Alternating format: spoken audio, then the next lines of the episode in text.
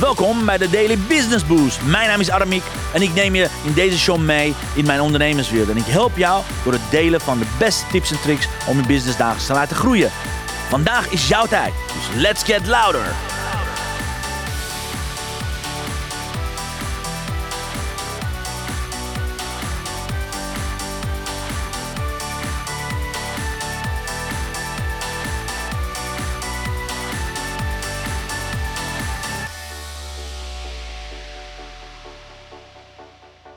Ja, hallo lieve luisteraar. Wat goed dat je erbij bent. Dit is aflevering 5.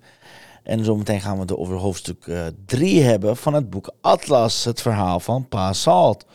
Ik heb geen idee hoe je het tot nu toe beleefd hebt, maar ik, eh, ik zit er echt te genieten. Met een grote glimlach, zelfs uh, nu het bijna half twaalf, wat is het?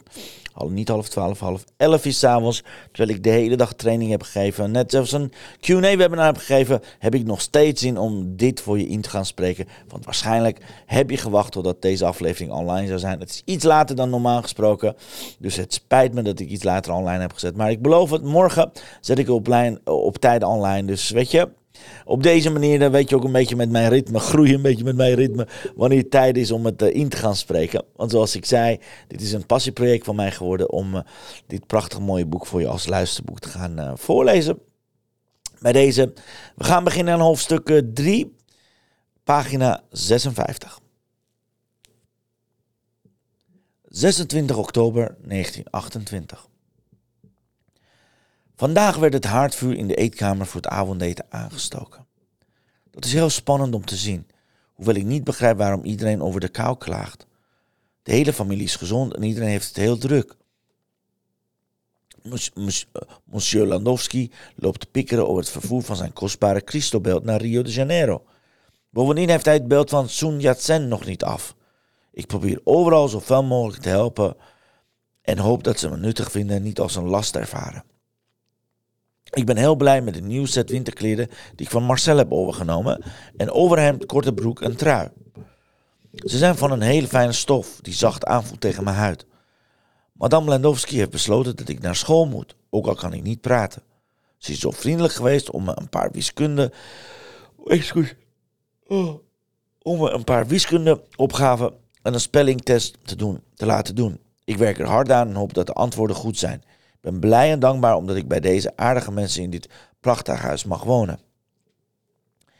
Ik legde, mijn mijn pen neer. Even kijken of ik het goed doe. Ja. Ik legde mijn pen neer, deed het mijn dagboek dicht en sloot het af. Ik hoopte dat wat ik had beschreven niet door spiedende ogen zou worden afgekeurd.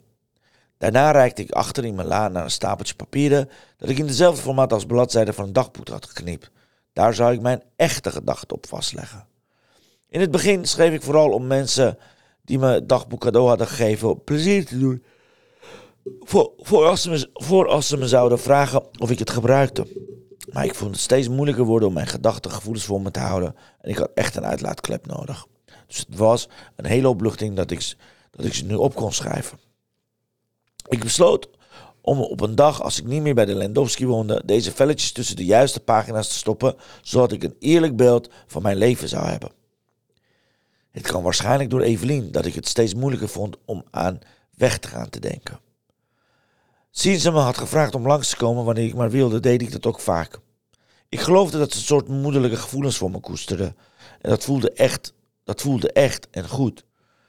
Ik had in de afgelopen weken heel wat keren in de gezellige kamer zitten luisteren, terwijl ze honderd uitpraatte over haar leven waarin ze, naar ik begreep, veel leed had gekend. Haar man en haar zoon waren niet teruggekeerd uit de grote oorlog.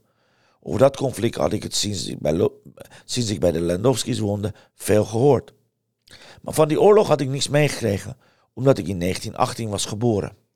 Ik huiverde als ik Evelien hoorde vertellen over de enorme aantallen, aan, aantallen doden op het slagveld.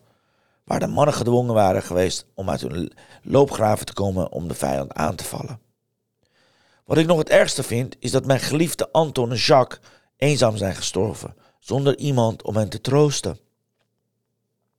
Toen, Evelien ogen, toen Evelien's ogen zich vulden met tranen, stak ik mijn hand uit naar haar. Het liefst had ik iets gezegd, als wat erg voor u. Wat moet dat vreselijk voor u zijn geweest. Ik heb ook iedereen van wie ik hield verloren. Ze vertelde me dat ze daarom zo trots was op, op, op, haar, op de enige zoon die ze nog had en hem koste wat koste wilde beschermen. Ze zou haar verstand verliezen als ze hem ook kwijt zou raken. Ik had graag willen zeggen dat ik ook mijn verstand had verloren, maar dat het tot mijn verbazing langzaam terugkwam. Het werd steeds moeilijker om niet te praten. Vooral omdat ik heel goed wist dat ze me naar school zouden sturen als ik zou praten. En ik wilde niks liever dan terug naar school. Maar dan zouden ze vragen stellen over mijn omstandigheden en die vragen kon ik gewoon niet beantwoorden. Of ik zou moeten, of ik zou moeten liegen. Dat verdienden deze goede mensen die me in huis hadden genomen en me hadden gekleden gevoed niet. Kom binnen, kom binnen, zei Evelien toen ik haar voordeur openduwde. Ik wist dat ze veel last had van haar been en dat het meer pijn deed dat ze wilde toegeven. Ik was niet de enige die zich druk maakte om zijn positie in het huishouden van de Lendowski's. Wil jij de chocolademelk klaarmaken, jongeman? Alles staat klaar. Tijdens het bereiden snoof ik heerlijk geur van chocola op. Ik wist. Ik wist zeker dat als ik die smaak van vroeger kende. Ik wist zeker dat ik die smaak van vroeger kende. En ik kon er niet genoeg van krijgen. Chocoladetijd met Evelien werd al snel mijn favoriete moment van de dag. Net als mijn lieve lezer, dit mijn favoriete moment is van mijn dag voor jou. Alleen zoals je ziet, ik heb al binnen vijf minuten heb ik 150 keer gegaapt. Dus ik denk dat ik er bij deze een einde aan ga maken. Doordat ik hier even, wat is het, drie, vier bladzijden voor je heb gelezen. Hopelijk vergeef je me.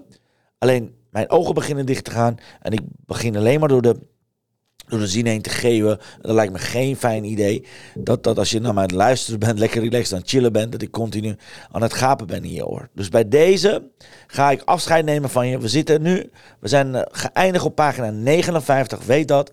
En morgen zal ik met alle plezier de rest voor je op gaan lezen. Dus voor nu wens ik je een prachtig mooie avond of ochtend of middag, wat het ook is.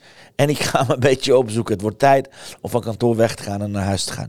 Dank je voor het luisteren. Dank je voor, voor, voor, voor al je berichten die je stuurt. Mocht je net nieuw zijn, stuur me een bericht als je met me aan het mee, uh, meeluisteren en mee, uh, meelezen bent. Oké, ik zou het super leuk vinden om, je, om, je, om iets van je te horen. Thanks voor het luisteren. En ik zie je en hoor je graag morgen. Tot morgen. Dankjewel voor het luisteren naar mijn live show. Geweldig. Wil je een keertje nou live bij mijn live show aanwezig zijn? Dat kan. Elke dag om 10 uur ben je van harte welkom via LinkedIn Live, Facebook Live of YouTube Live.